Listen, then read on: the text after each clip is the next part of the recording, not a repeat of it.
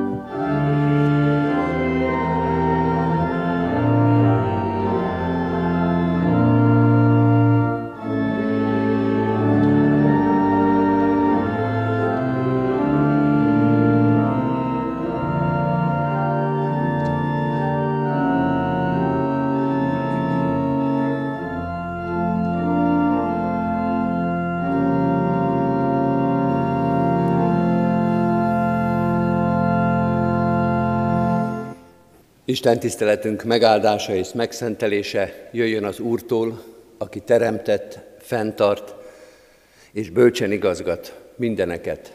Amen. Hajtsuk meg a fejünket imádságra. Urunk, szólj most is hozzánk, mert nélküled körülvesz a csend, de ami még rosszabb, belül is csend van csak. A te szavad, a te megbocsátó igéd, a te irgalmas szereteted, az tölti ki azt az űrt, amely bennünk van, az ad értelmet és irányt az életünknek. Sok minden felé rángat az élet, sok minden felé akarunk magunk is indulni. Urunk, ad, hogy most ezen a napon is, ezen az Isten tiszteleten is az a szó, az az üzenet, az az irány jelenje meg előttünk, ami tőled jön. Tőled jön és hozzád vezet. Bocsáss meg annyi tévedést, annyi eltévedést, annyi elpártolást, annyi engedetlenséget, tőled való elmaradást, más utak, más bölcsességek választását. Bocsáss meg mindent, minden lépést és minden mozdulatot, amely nem feléd vezetett. Köszönjük, hogy most is szólsz, hogy megújul rajtunk a kegyelmed, hogy akármi is történt, akármit is hoztunk most ide szívünkben, életünkben, a Te igéd újra és újra megszólít és hív bennünket. Ad, hogy válaszolni tudjunk, ad, hogy követni tudjunk, ad, hogy engedelmeskedni tudjunk.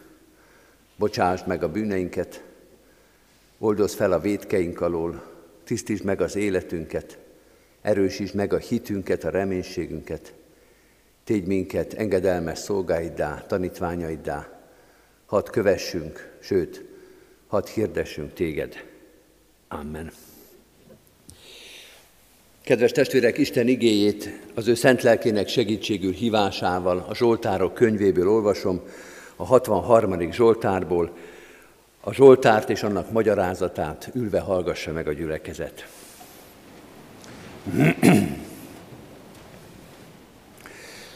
A 63. Zsoltárban így szól hozzánk Isten igéje. Zsoltár arról, hogy mit jelentettek Dávidnak azok az események, amelyek a júdeai pusztában történtek vele. Ó, végtelen Isten, minden napjaim Istene te lettél. Rád bukkantam én, mint hajnal, ha kél. Téged szomjazott a lelkem, általad kívánt enyhülni a testem sivatag peremén, víz nélküli tájon. Úgy fedeztelek fel abban, ami szent, hogy magából az életből kezdtem el látni hatalmadat és dicsőségedet, meg azt, hogy milyen jó a te szövetségi hűséged. Dicsérnek ajkai mindenek felett azért, hogy álthatom szeretetedet saját életemben. Midőn nevethez méltó dolgokat cselekszem, mintha hájjal kenyegetnék, úgy hízik a lelkem, és öröm újongásba tör ki a szám. Ha rólad elmélkedem ágyamon, őrváltás őrváltásra telik, és nekem még mindig azon jár eszem, hogy azért örvendezhetek szárnyad árnyékában, mert segítségül voltál nekem ebben. Lelkem téged követett, jobbod meg engem fogott, mikor amazok konokul kerestek, hogy elveszítsenek, egyik barlangból a másikba mentek, miközben ők hagyták kart prédájára Sault, és olyanná lettek, mint a rókafiak. És akkor is, mikor Saul már Istennek örült, és mindenki, aki hűséget fogadott neki, megdicsőlve dicsekedett azzal, hogy elnémult, megszégyenülve a rágalmazók szája.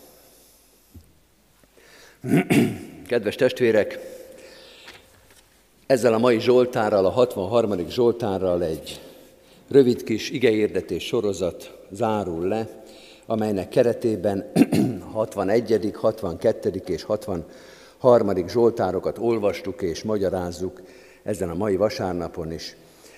Azokat a Zsoltárokat, amelyeket talán jól ismerünk, a 62-et azt énekelni is sokszor szoktuk, de most mégis egy új fényben, új irányban jelennek meg ezek a zsoltárok, és pedig a zsoltár fordítása miatt, mert ezt a rövid kis igehirdetés sorozatot az fűzi föl, nem csak az, hogy a Zsoltárok könyvébe találjuk mind a három igét, hanem ugyanaz a teológus, egy Kustár Péter nevezetű, debreceni tanársegéd, debreceni reménybeli professzor, de később kislétai református lelkész fordította őket 1986-ban és 87-ben.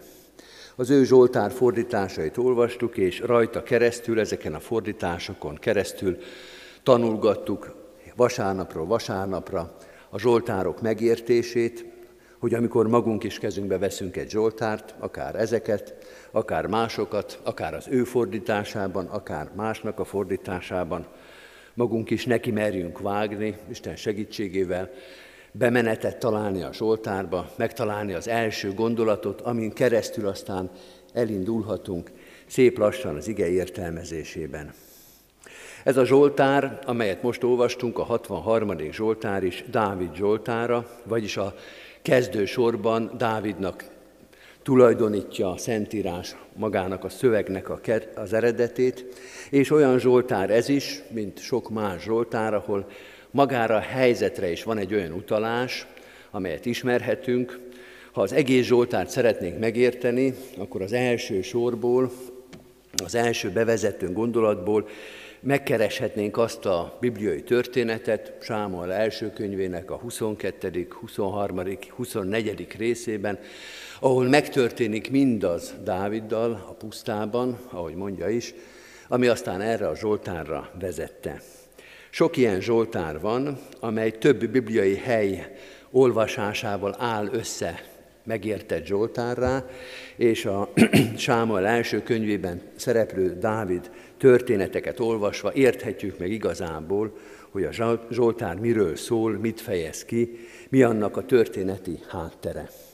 De most nem a történetet nézzük, sőt nem is az egész Zsoltárt, hanem csak egy verset, a második verset, a Zsoltárnak tulajdonképpen a bevezető gondolatát, de ez is olyan erős, olyan gazdag, hogy készülés közben még az is megkísértett, hogy még ezt az egy verset is ketté vágom, és úgy gondolom, hogy csak a feléről beszélek, mert szinte-szinte szétfeszíti a prédikáció kereteit. Végül is ezt nem tettem meg, úgyhogy az egész kettes második verset fogjuk most olvasni újra, és fogjuk lépésről lépésre magyarázni. Így szól hozzánk tehát a 63. Zsoltár második verse Kustár Péter fordításában. Ó végtelen Isten, mindennapjaim Istene, te lettél. Rád bukkantam én, mint hajnal, ha kél, téged szomjazott a lelkem, általad kívánt enyhülni a testem, sivatag peremén, víz nélküli tájon. Hol kezdjük ezt a szép verset? Hol van a bejárat, amely majd utat nyit nekünk a Zsoltár második versének a megértésében? Ha megnézzük a Biblia fordításokat, a különböző fordítási kísérleteket látni fogjuk, hogy Kustár Péter fordításában van egy kifejezés, egy sor, egészen pontosan a Zsoltár közepén, amely kaput nyit erre a Zsoltárra. Ez a novum, ez az újdonság, ez az ő fordítási javaslata erre a Zsoltár sorra, ami talán el is tér a többi Zsoltár fordítástól, és nyilván azért tér el, mert úgy érezte ez a Biblia fordító, hogy itt jelenik meg valami új, valami olyan üzenet ebben a Zsoltárban, amely sem korábban, sem más Zsoltárokban ilyen erősen nem jelent meg. A Zsoltár közepén ezt olvassuk, rád bukkantam én, mint hajnal, ha kéle. A hajnal képe, a reggelnek, a napfelkeltének a képe azért sokszor megjelenik a Zsoltárban, és egyébként minden költészetben, hisz az ember számára egy rendkívül kifejező, nagy élményt jelentő pillanat az. Rád bukkantam én, mint hajnal, ha kél. Erős üzenettel bír ez a kép, nyilván nem véletlenül használja Dávid sem. Négy olyan üzenetet szeretnék ebben a rövid képben megvilágítani, amelyre Dávid gondolhatott, és amelynek az üzenetével meglátogat minket. Dávid azt mondja ezzel a képpel, ezzel a választással, azt mondja, te cselekedtél, Uram. Az, hogy Istenem vagy, az veled kezdődött. Hogy én ki tudom mondani, hogy a mindennapjaim Istene lettél, az nem az én rádöbbenésemmel kezdődik. Ott először te cselekedtél, úgy, mint ahogy föl kell reggel a nap, velünk történik, a mi napunkat erősíti meg, a mi reménységünket erősíti meg, de nem mi hozzuk el a reggelt, nem mi hozzuk föl a napot, hanem az egy olyan ajándék, egy olyan történés, amelynek csak hálás, örömteli vagy reménykedő nézői lehetünk. Így jártam én veled is, mondja Dávid. Egyszer csak fölkeltél előttem, egyszer csak rávilágítottál az életembe. Velem történt, de te cselekedtél. Mi az új szövetség népe, ha nem a 63. Zsoltárba, akkor a 485. dicséretben énekelnénk ezt, Jézus Krisztus szép, fényes hajnal, ki feltámadsz új világgal. Azt mondja Dávid ezzel az egyetlen képpel, te cselekszel, Uram, te jöttél el, és én, a te gyermeked, a te kiválasztottad, megláttalak téged. Egyszer csak rám virratt a hajnal. Egyszer csak világos lett körülöttem. Ez a mi részünk, hogy meglássuk a te napodat, meglássuk a te világosságodat. Most egy kis földrajz óra következik.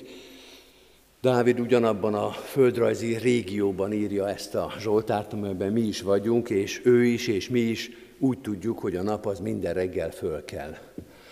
Sem Dávid, és talán mi sem jártunk a sarkörön túl, ahol vannak hónapok, amikor hónapokig nem kell fel a nap. Amikor nem lehet minden nap az Isten napjára rácsodálkozni, és azért hálát adni, hanem van olyan időszak, amikor tudjuk, előre tudja az ember, az ott élő, az egész természet, hogy mostantól kezdve hónapokon keresztül sötét fog minket körülvetni. Kedves testvérek, Dávid ezt nem tudta, de biztos vagyok benne, hogy ha tudta volna is, leírta volna ezt a Zsoltárt. Mert azt mondta volna, amit mi is gondolhatunk, hogy a 63. Zsoltár a sarkolön túr is igaz. A 63. Zsoltárnak a reménysége az még akkor is igaz, hogyha sötétség vesz körül bennünket. Emlékszem egy régi barátomra, aki már nincsen közöttünk, ő tulajdonképpen vele született világtalan ember volt. Nem teljesen igaz, kisgyerek korában veszítette el a szeme világát, tehát valami emlékei voltak a fényekről és a napról, de tulajdonképpen az egész életét sötétségbe töltötte. És mi volt az ő kedvenc dicsérete? Ki fogjátok találni, kedves testvérek, az 503. dicséret. Az 503. Zsoltá, 503. dicséretbe énekelte ezt teljes szívvel, ó nap, hová tűnél el, hová űzött az éjjel, mely harcban áll veled, te nem ragyogsz az égen, de más napon van nékem, betölti Jézus szívemet. Ha nem kell fel a nap, akár az északi sarkörön, vagy az életünkben, ha sötétség vesz körül bennünket, akkor is kimondhatjuk hitvallással azt, amit Dávid mondott, rád bukkantam én, mint hajnal, ha kél. De Dávid tovább megy ezzel a képpel, ezt is leírja, ezt is elmondja, hogy én megláttam a te napodat, de a mindennapok kifejezéssel, vagy ezzel a fordítással azt is mondja, hogy minden nap meglátom. Hogy Istennek minden nap megújuló kegyelme van rajtam. Hány elrontott nap volt az életemben, mondja Dávid. Hány eltékozolt nap, hány elátkozott nap, amivel az életemet sötétségbe borítottam, és te mégis fölhozod másnap a te napfényedet. A következő nap mégis megújul rajtunk a te kegyelmed. Jézus, amikor a megbocsátásról kérdezik, és azt kérdezik tőle, hogy hányszor kell megbocsátani a fele barátomnak, még hétszer is, akkor azt mondja, hogy nem azt mondom, hogy hétszer, hanem még hetvenszer hétszer is. És akkor Dávid rálicitál még Jézusra is, és azt mondja, hogy miért hányszor fel, kelt fel rajtad a nap. Hát nem hetvenszer hétszer. Több tízezer napot éltünk már le, és minden nap fölvirrat ránk az Isten napja. Az azt jelenti, hogy minden nap megbocsátott nekünk, minden nap megújította rajtunk a kegyelmét. Van egy divatos kifejezés ma, amit használunk, benne is van a különböző építési szabályzatokba, ez a megújuló energia. Tudjuk, hogy miről szól, de a 63. Zsoltárban új értelmet kap ez a 21. századi kifejezés. Ha van megújuló energia, akkor valóban az a Krisztusnak a napja, az Istennek a kegyelme, amely minden reggel megújul rajtunk. Sőt, és most jutunk az első gondolat negyedik eleméhez, azt mondja Jézus, hogy ez a, ezt mondja Dávid, hogy ez a megújuló kegyelem, ez túláradó kegyelem is, amely nem csak, hogy megújul, hanem beborítja az egész világot, még ezt a Dávid nevezetű embert is. De ki tudja még, hogy abba a történetbe is ki mindenkire rásüt ez a nap. Nem csak a jókra, nem csak a szépekre, nem csak az érdemesekre, hanem a gonoszokra is. A hegyi beszédben Jézus azt mondja, amikor a mennyei atyához hasonlítja a tanítványokat, hogy ő fölhozza az ő napját a gonoszokra és a jókra is. Hogy fölvírad a nap, és nézzétek meg, hogy kire mindenkire rásüt. Milyen jó, hogy nem rajtunk múlik a nap felkelte, hogy hány ember dideregne, ami kemény szívűségünk, ami bosszunk, ami szeretetlenségünk miatt, hogy kire ne süssön a nap, és még tulajdonképpen igazunk is lehetne, hogy hány érdemtelenség, hány bűn és hány méltatlanság van az életben, akik nem érdemelik meg, vagy nem érdemeljük meg a napsütést. És Jézus, amikor fölhozza a napját, az Isten, amikor ránk hozza a kegyelmét, akkor azt látjuk, hogy még a gonoszokra, a méltatlanokra, az emberek által elvetettekre is rásüt az Isten napja. Isten egyetlen hajnaljal meg tudja Dávidnak mutatni az ő végtelen irgalmát. Isten egyetlen pusztai reggelen, amikor rávirrat abban a nehéz helyzetben, meg tudta mutatni Dávidnak azt, hogy a te irgalma, az én irgalmam megújul rajtad. Hogy be lehet fejezni majd még ezt a Zsoltárt is, hogy lesz még holnap és holnap után is, és újra és újra Isten irgalma rá is, meg Saulra is, meg Absalonra is, meg a filiszteusokra is, meg mindenkire, aki ebben a történetben szereplő, rá fog sütni. Így indul ennek a Zsoltár versnek a megértése, rád bukkantam én, mint hajnal, ha kél. Ebből a tapasztalatból és ebből a megértésből következik a második gondolat, a második lépés ennek a Zsoltár versnek, amit rögtön az elején kimond Dávid, amikor azt mondja, ó végtelen Isten, minden napjaim Istene, te lettél. A végtelen Isten ott van az én mindennapjaimban. Ott van az én kicsiny kis életemben, az én percnyi, másodpercre kiszámolható napjaimban. Volt egy óegyházi vita, a, már sok száz évvel Dávid után, amely Jézus Krisztus kettős természetéről szólt, és azt firtatta, hogy elképzelhető-e, hogy az emberi természetű Krisztus magába fogadja a végtelen Istent. Vagyis, hogy a véges, az emberi természet be tudja-e fogadni a végtelen Istent. Logikailag, filozófiailag meg lehet-e érteni, hogy valaki egyszerre ember és egyszerre Isten, hiszen ez ezt jelenteni, hogy a végtelen Isten a véges emberi természetbe beleköltözön. Lehetséges ez? Lehetséges az, hogy a hatalmas, végtelen Isten beleköltözön, meglátogassa a véges emberi létet.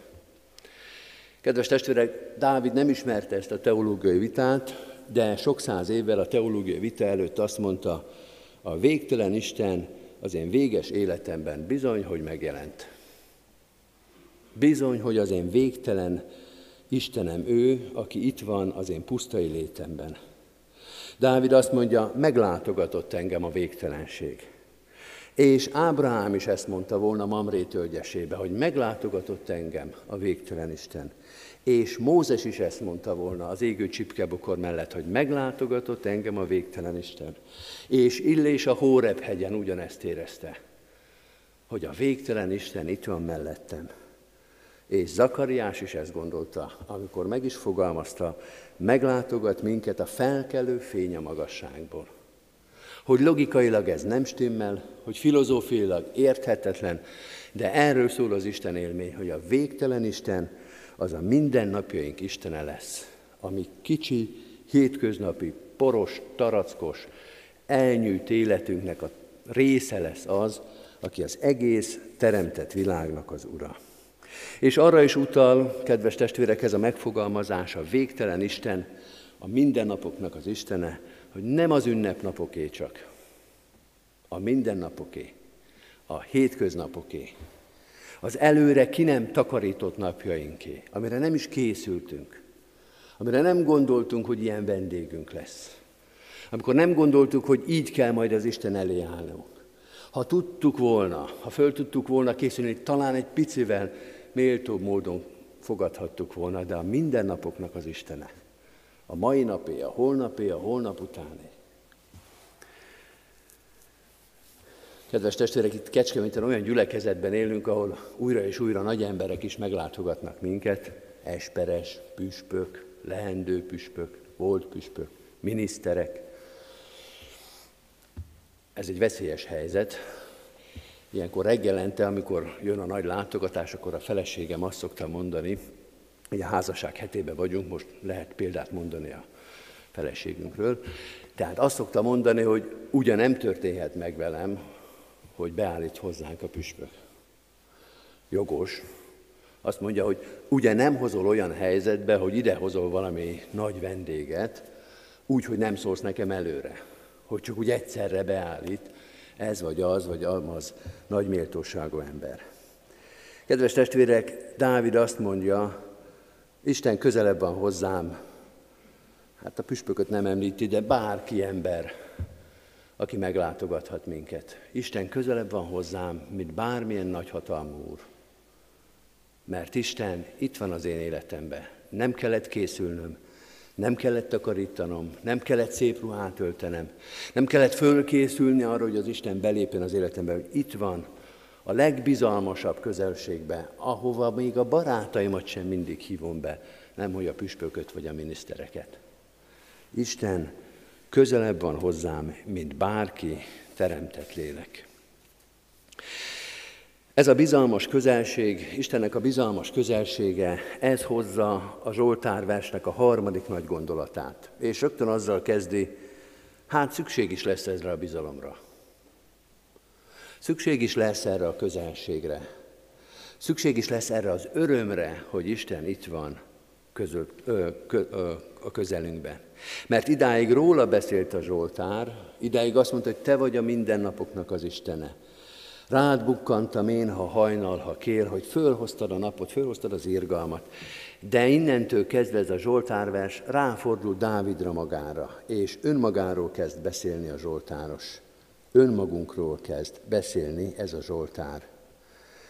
Téged szomjazott a lelkem, általad kívánt enyhülni a testem sivatag peremén, víz nélküli tájon.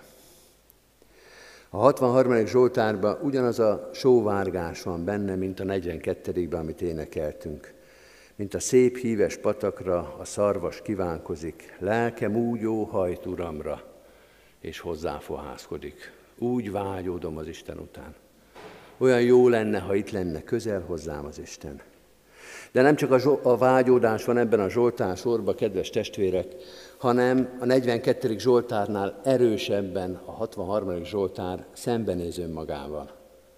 Önmagáról beszél Dávid, és azt mondja, azt mondja Dávid, hogy az életem az pusztaság, hogy az életem az sivatag, és nélküled el fogok száradni. Nélküled elhamvadok, elsorvadok, terméketlen és hiába való az életem. De Te, Uram, megeleveníthetsz. De Te, Uram, a szomjazó lelkemet megelégítheted. De Te, Uram, fordíthatsz ezen. Nélküled sivatag, nélküled puszta vagyok, nélküled víz nélküli táj vagyok. Ha a sivatag szó elhangzik, akkor nekem mindig egy 80-as évekbeli természetfilm jut az eszembe, biztos sokan látták, akkor ez egy új stílusú természetfilm volt, az volt a címe, hogy Sivatagi Show. Hát így visszanézve egy kicsit olyan burleszk filmnek állították be a természetet, de nem volt az rossz film, én legalábbis gyerekként nagyon élveztem. Volt benne egy jelenet, amikor egy sivatagi tájat mutattak az esős évszak előtt, az a tényleg, az a sivatag, ahogy mi azt elképzeljük, a semmi, a puszta. Egy zöld folt sem volt. És akkor jön az esős időszak, jön az megtermékenyítő, megfrissítő eső, és ugyanaz a táj, amely teljesen kopár és kietlen, volt az eső előtt, egyszer csak egy virágba boruló rét képét mutatja, hogy amikor megfrissíti a sivatagot az eső, amikor elárasztja ez a termékeny áldás a sivatagot, akkor még a sivatag is tényleg a legszebb, a legszínesebb, a legüdébb virágos rétté változik. Dávid azt mondja a 63. Zsoltárban, hogy az életem, az életünk, hát az egy igazi sivatagi só, csak éppen nem olyan vicces. Sőt, egyáltalán nem vicces. Az Isten nélkül az életünk, abban semmi szépség nincsen. Abban semmi eredmény nincsen. Az olyan kietlen, olyan szomorú, olyan reménytelen, amilyen valóban csak az esős évszak előtt lehet a sivatagi táj.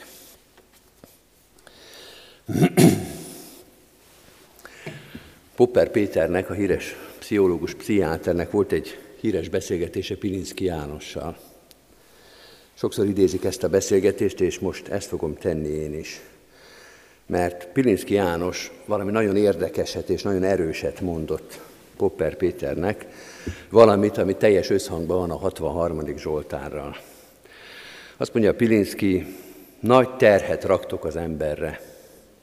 Azt hirdetitek, hogy minden emberi problémának van megoldása. Ezzel sikerül elérnetek, hogy az emberek többsége úgy érzi, hogy csak ő olyan hülye, hogy nem tudja megoldani a szexuális problémáit, a szüleivel való viszonyát, a házasságát, az egzisztenciális ügyeit, a politikai orientációját, semmit, és összeomlik. A valóságban az élet dolgainak többsége nem megoldható. Legfeljebb jól, rosszul elviselhető.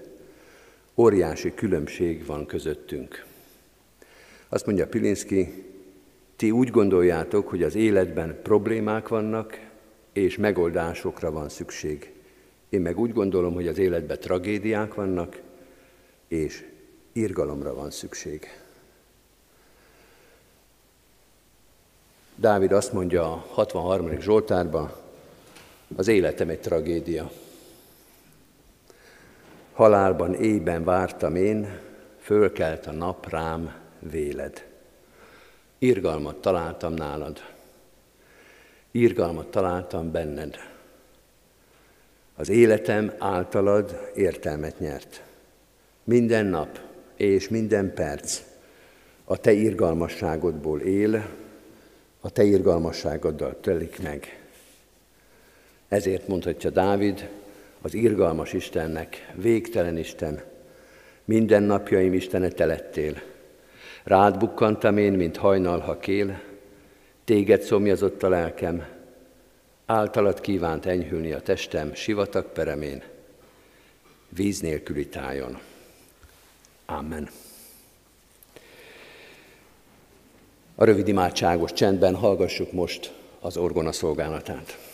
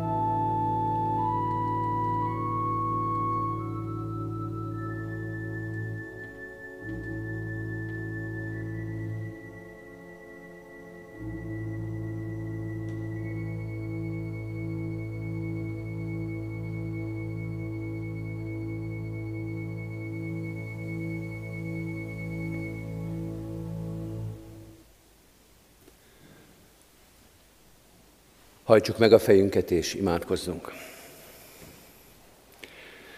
Urunk, mindenek előtt hálát adunk a megújuló irgalmadért, hogy fölkelt a nap ránk véled, hogy a mai napra is engedtél minket felkelni, megélni ezt a mai napot, meghallani a Te igédet. Köszönjük neked, hogy újra és újra irgalmadat és kegyelmedet bizonyított felénk.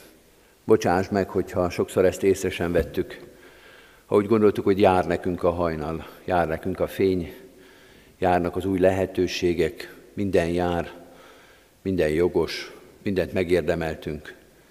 Bocsáss meg a gőgünket, a büszkeségünket, bocsáss meg, hogy mindez elválasztott tőled. Köszönünk minden pillanatot, amelyben megéreztük a te szeretetedet. Köszönjük akkor is, hogyha összetört, hogyha szembesített a gőgünkkel, az arcátlanságunkkal, a hűtlenségünkkel.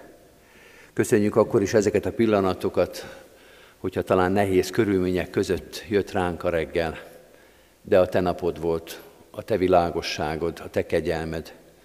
Ebből élünk, és ezt kérjük holnapra, holnap utánra is. Újítsd meg rajtunk, és szeretteinken, és közösségeinken, és gyülekezetünkön, és egyházunkon, és nemzetünkön. Újítsd meg a te kegyelmedet. Nem azért, mert érdemeljük, mert nélküled az életünk valóban tragédia, szégyen és bűn.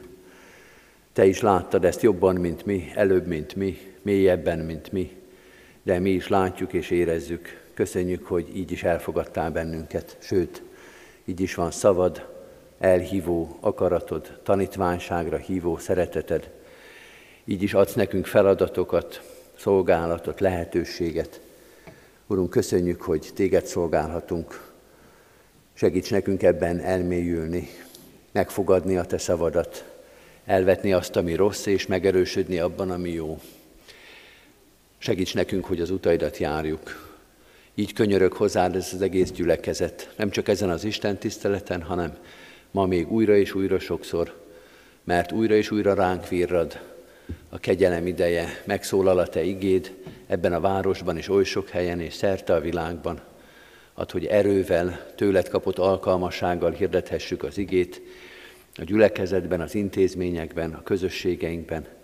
Olyan sokan vannak, akiknek szüksége van erre a szóra. Olyan sokan vannak, akik hirdetik a Te igédet. Legyen ezért is hála neked. Imádkozunk gyülekezetünk egész közösségéért, most különösen is a betegeinkért, a megfáradtakért és a gyászolókért. Nehéz teher van rajtunk és az egész világon. Urunk, Te erősíts ebben. Hát, hogy ez a teher, a betegség vagy a betegségtől való félelem ne elválaszton tőled, hanem hozzád közel vigyen. Hogy meglássuk, hogy nélküled puszta és sivár, és víz nélküli táj az életünk, de veled együtt mindenre van erő, reménység, mindenre van magyarázat, akkor is, hogyha betegségben vagyunk, akkor is, ha gyászolunk, te légy hozzánk a legközelebb. Légy a mindennapunk, mindennapunk Istene akkor is, amikor ezek a mindennapok nehezek, fárasztóak, fájdalmasak, gyötrőek. Urunk, te légy ott ezekben a nehéz pillanatokban is. Így könyörgünk a gyászolókért, akik koporsó mellett álltak meg, vagy következő héten kényszerülnek erre. Hiszük, Urunk, hogy velünk együtt gyászolsz, mindahogy velünk együtt ünnepled a feltámadás örömét és reménységét. Ezt az örömöt, ezt a reménységet, ezt a vigasztalást ad most a gyászolóknak. Könyörgünk a betegségben lévőkért, a kórházban lévőkért, a műtétre készülőkért, azokért, akiknek tele van a szíve bizonytalansággal, szorongással, félelemmel. Urunk, Te adj nekik erős hitet és reménységet, Te légy ott velük válságos pillanataikban és erősítsd azokat is, akik mások terhét hordozzák. Így könyörgünk nap mint nap a kórházi dolgozókért, az egészségügyben szolgálókért, betegekért, orvosokért, kórházi munkatársakért, mindenkiért, aki ebben a válságos helyzetben ezt a nehéz szolgálatot viszi. Adj alkalmasságot, erőt, felüdülést a nehéz szolgálatba. Te adj bölcsességet a döntéshozóknak. Te légy oltalmunk és reménységünk. Áld meg gyülekezetünket a szolgálat lehetőségével, áld meg a városunkat, országunkat, nemzetünket, áld meg a körülöttünk élő népek nagy tengerét, minden közösségünkben és minden viszonyunkban te légy az Úr, te adj megbocsátást, szeretetet, egymás elfogadását, egymásra való odafigyelést, egymásért mondott buzgó és őszinte imádságokat. Add, hogy együtt dicsérjünk téged az egész teremtett világgal. Te légy a mi Urunk, megváltunk, oltalmazunk és ítélő bíránk. Krisztusban, ami Urunkban. Amen. Egy rövid csendes percben vigyük most Isten elé imádságainkat. Amen. Az Úrtól tanult imádságot fennállva mondjuk el, mi atyánk, aki a mennyekben vagy, szenteltessék meg a te neved. Jöjjön el a te országod, legyen meg a te akaratod, amint a mennyben, úgy a földön is. Mindennapi kenyerünket add meg nékünk ma, és bocsásd meg védkeinket, miképpen mi is megbocsátunk az ellenünk védkezőknek. És ne vigy minket kísértésbe, de szabadíts meg a gonosztól, mert tiéd az ország, a hatalom és a dicsőség mind örökké. Amen. Mindezek után Istennek népe áldjon meg titeket az Úr, és őrizzen meg titeket. Világosítsa meg az Úr az ő orcáját ti rajtatok, és könyörüljön ti rajtatok. Fordítsa az Úr az ő orcáját ti rejátok, és adjon békességet néktek. Amen. Foglaljuk el a helyünket, kedves testvérek. Hallgassuk meg gyülekezetünk híreit, hirdetem az adakozás lehetőségét, hálával áldozzunk az Úrnak, és teljesítsük a felségesnek tett fogadásainkat. Hirdetem, hogy gyülekezetünk életéről a gyülekezet honlapján és Facebook oldalán. További információkat lehet megtalálni ebben a nehéz helyzetben, amikor az információ megszerzése és egy kicsit nehezebb, hívjunk ezekkel a lehetőségekkel, hiszen ott nem csak a gyülekezetek híreit találjuk meg, hanem az igei alkalmainkból is sokat, visszanézhetőek, utólag is megnézhetőek a gyülekezet Facebook oldalán, YouTube csatornáján, a krek.hu honlapunkon keresztül is, illetve ebben az időszakban a Kecskeméti Televízió is minden vasárnap délután 5 órától református istentiszteletet közvetít, ezen keresztül is elérhetjük a gyülekezet tagjait és minden testvérünket. Hirdetem, hogy a ránk következő héten a bőti igehirdetés sorozatunkba kezdünk bele. Ebben a bőti igehirdetés sorozatban készülünk a jövő vasárnapi úrvacsorás közösségekre. A jövő vasárnap már bőt fő vasárnapja lesz, bőt első vasárnapja. Így most hétfőtől szombatig, minden este 5 órától itt a templomban egy rövid igehirdetés sorozatot tartunk. Várunk, várunk, ez az igehirdetésnek a címe, és abban segít bennünket, hogy bibliai szereplőkről olvasunk majd, akik várnak, nem az adventi várakozásra, nem az üdvösségre, a messiásra való várakozásról szól ez a sorozat, hanem Isten egy-egy mozdulatáról, amelyet egy-egy bibliai szereplő mutat, tanít meg nekünk ebben a nehéz helyzetben. Hát várunk mindenkit szeretettel, hétfőtől szombatig, minden este 5 órától itt a templomba az igehirdetés sorozatra. Igét hirdetnek egyébként a gyülekezet lelkipásztorai. Vasárnap, bőtfő vasárnapján urvacsorás istentiszteleteket tartunk, ahogy mondtam, és itt a templomban is 9-kor, 11-kor és délután 5 órakor, de ugyanígy tartunk urvacsorás istentiszteletet katonatelepen és Kadafalván is. Kérem a testvéreket, hogy hordozzák imádságban a gyászoló családokat. Az elmúlt héten búcsúztunk Csányitót János, Geiger Ferencné, Szűcs Teréz, Gyóni Imre és Baranyi Kálmán testvéreinktől. Halottaink Hoxa Sándorné Muraközi Julianna, 96 évet élt testvérünk, akinek temetése február 16-án kedden, egy órakor lesz a református temetőben. Horváth Józsefné Kuli Eszter, 86 évet élt testvérünk, temetése 16-án kedden, 2 órakor lesz a köztemetőben. Valkai Józsefné Gál Eszter, 91 évet élt testvérünk, temetése 17-én szerdán, 11 óra 45-kor lesz a köztemetőben. És Hess, Hess Brigitta, 40 évet élt testvérünk temetése 19-én pénteken, 10 órakor lesz a református temetőben. Isten szent lelke vigasztalja a megszomorodott szívű családtagokat és mindenkit, akit, akik a gyász nehéz terhét hordozzák. Kedves testvérek, köszönettel hirdetjük az adományokat. Az elmúlt héten mintegy 600 ezer forint adomány érkezett gyülekezetünk pénztárába. A Széchenyi Városi templom építése az elmúlt időszakban már több mint 10 millió forint adomány érkezett. Ebben az évben nekiállunk ennek a nagy tervünknek, ennek a megtervezésének és majd a kivitelezésének.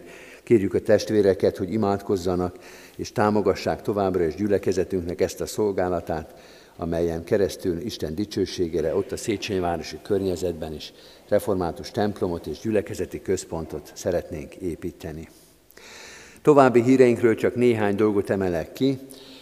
Hirdetem, hogy azok a gyülekezeti családok, akik gyermekeiket a református óvodába, általános iskolába vagy gimnáziumba kívánják beiratni, lelkészi ajánlást kérhetnek a parókus lelkészektől. A lelkészi ajánlás ugyan nem garantálja a felvételt, de segít számon tartani az intézménybe készülő gyülekezeti gyermekeket.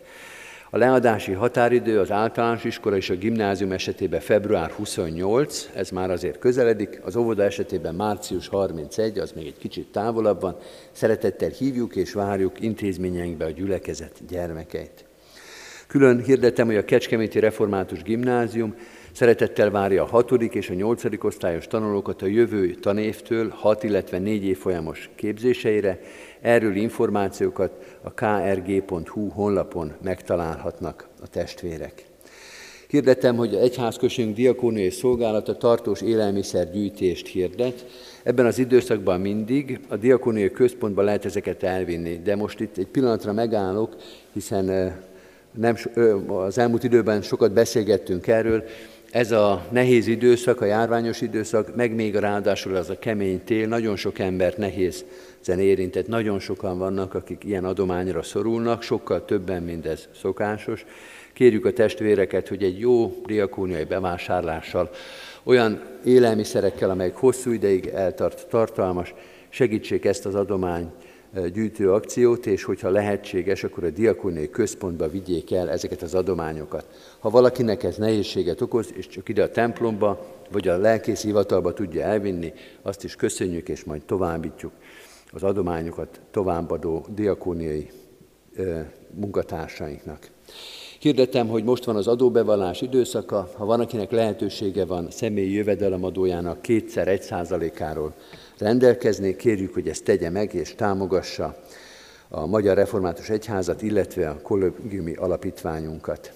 Végül pedig egy szolgálati lehetőséget hirdettek, egy munkalehetőséget, a Sion Nyugdíjas és Gondozási Központ, Sion Nyugdíjas Ház és Gondozási Központ munkatársat keres, szociális gondozó és ápoló munkakör betöltésére részmunkaidőben jelentkezni a lelkészhivatalba, illetve a Sion házmánál lehet, hogyha valakit ez érint, vagy tudunk ilyenről, akkor kérjük, hogy adja át neki ezt az információt. Az Úr Jézus Krisztus legyen gyülekezetünk őriző pásztora.